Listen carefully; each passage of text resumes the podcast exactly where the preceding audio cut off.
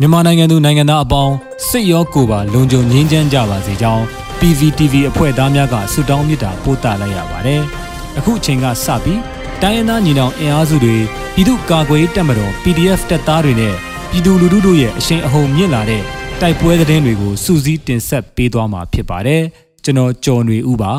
။ပထမဦးစွာ 4K ကောမြို့တစ်တိုက်ပွဲမှာအကြမ်းဖက်စစ်ကောင်စီတပ်များတေဆုံးမှုများပြားပြီး တပ်မ44မှဗိုလ်ကြီးအဆင့်တဦးကိုဖမ်းမိထားတဲ့သတင်းကိုတင်ဆက်ပါမယ်။ကရင်ပြည်နယ်၄ကီကောမြို့တင်မှာယနေ့ဖြစ်ပွားတဲ့တိုက်ပွဲတွင်အကြမ်းဖက်စစ်ကောင်စီတပ်များအကြအဆုံးများပြီးဗိုလ်ကြီးအဆင့်တဦးကိုဖမ်းမိထားကြောင်းသိရှိရပါတယ်။ KNU ကရင်မျိုးသားအစည်းအရုံးတပ်မဟာ6နယ်မြေ၄ကီကောဒေသရက်ကွက်များမှာနယ်မြေကန်ကရင်မျိုးသားလွတ်မြောက်ရေးတပ်မတော် KNL ပူးပေါင်းတပ်ဖွဲ့နဲ့ အကြမ်းဖက်စစ်ကောင်စီတပ်တို့အကြားယနေ့နနက်3နာရီခွဲအချိန်ခန့်မှစတင်ကကော့ဘရာစစ်ကြောင်းဦးစီးတဲ့ KNL ပူးပေါင်းတပ်ဖွဲ့ကဥဆောင်တိုက်ပွဲဝင်နေခြင်းဖြစ်ပြီး CDM တပ်မတော်သားအချို့လည်းပါဝင်တိုက်ပွဲဝင်နေကြောင်းသိရှိရပါတယ်။တိုက်ပွဲတွင်အကြမ်းဖက်စစ်ကောင်စီဘက်မှအကြအဆုံးများပြီးတပ်မ44ကဗိုလ်ကြီးအဆင့်ရှိသူတို့ကိုဖမ်းမိကလက်နက်ခဲယမ်းများလည်းတင်စီရမိထားကြောင်းသိရှိရပါတယ်။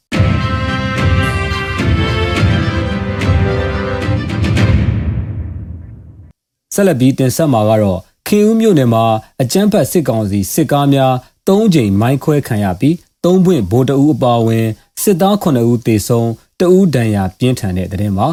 စကိုင်းတိုင်းခင်ဦးမြို့နယ်မှာအကြမ်းဖက်စစ်ကောင်စီစစ်ကားများ AB လ8ရက်နေ့နဲ့10ရက်နေ့ကြားမှာ3ကြိမ်မိုင်းခွဲတိုက်ခိုက်ခံရပြီးစစ်ကောင်စီမှဗိုလ်ကြီးတအူးအပါအဝင်9ဦးသေဆုံးကတအူးဒဏ်ရာရကြောင်းသတင်းရရှိပါရယ်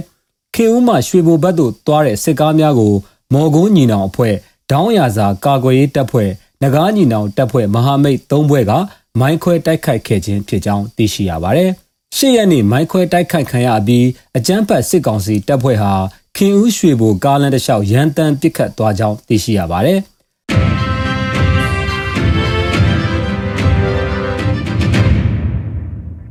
ဒဇယ်အင်ကုတ်ကားရွာအနီးကင်းလည်နေတဲ့စစ်သားနဲ့ပြူစောထင်းများမိုင်းဆွဲခံရပြီး ၅ဦးခန့်တေဆုံးတဲ့တဲ့ရင်ကိုဆက်လက်တင်ဆက်ပါမယ်။စကိုင်းတိုင်းဒဇယ်မြို့နယ်အင်ကုတ်ကားကြီးရွာမှာတက်ဆွဲထားတဲ့အကြမ်းဖက်စစ်ကောင်စီစစ်သားများနဲ့လက်ပါစီပြူစောထီများကင်းလှည့်နေစဉ်မှာယမနေ့ AB လ9ရက်ည8နာရီခန့်၌ဒေတာကာကွယ်ပူးပေါင်းတပ်ဖွဲ့ကမိုင်းဆွဲတိုက်ခိုက်ပြီးစစ်ကောင်စီတပ်ဖွဲ့ဘက်မှ9ဦးခန့်တေဆုံးနိုင်ကြောင်းသတင်းရရှိပါရယ်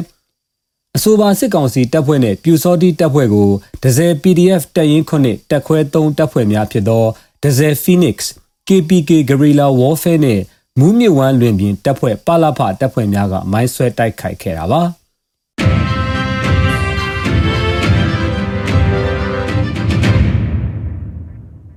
ဆက်လက်ပြီးဖရူဆိုမြို့နယ်မှာစစ်ကြောင်းထိုးလာတဲ့စစ်ကောင်စီတပ်ကိုကရင်နီတပ်ဖွဲ့များခြုံခိုတိုက်ခိုက်စစ်သား10ဦးသေဆုံးတဲ့တဲ့ရင်ကိုတင်ဆက်ပါမယ်။ကရင်နီပြည်နယ်ဖရူဆိုမြို့နယ်မှာအကြမ်းဖက်စစ်ကောင်စီတပ်နဲ့ကရင်နီတပ်ဖွဲ့ကြား ယနေ့ AB လ10ရက်နနက်8နာရီခန့်မှာတိုက်ပွဲဖြစ်ပွားပြီးစစ်သား10ဦးသေဆုံးကထိခိုက်ဒဏ်ရာရရှိသူများရှိကြောင်းသိရှိရပါတယ်။ဒေါ်ကြီးခုနဲ့ထိကလူဒေါ်ကြေးရွာကြားမှာစစ်ကြောင်းထိုးလာတဲ့စစ်ကောင်စီတပ်ဖွဲ့ကိုကရင်နီအမျိုးသားများကာကွယ်ရေးတပ် KNDF တပ်ရင်း15ကခြုံခိုတိုက်ခိုက်ခဲ့ကြောင်းစစ်သား10ဦးသေဆုံးပြီးဒဏ်ရာရသူများလည်းရှိကြောင်း KNDF ဘက်မှထိခိုက်မှုမရှိဘဲပြန်လည်ဆုတ်ခွာလာကြောင်း KNDF တပ်ရင်း15ကသတင်းထုတ်ပြန်ပါတယ်။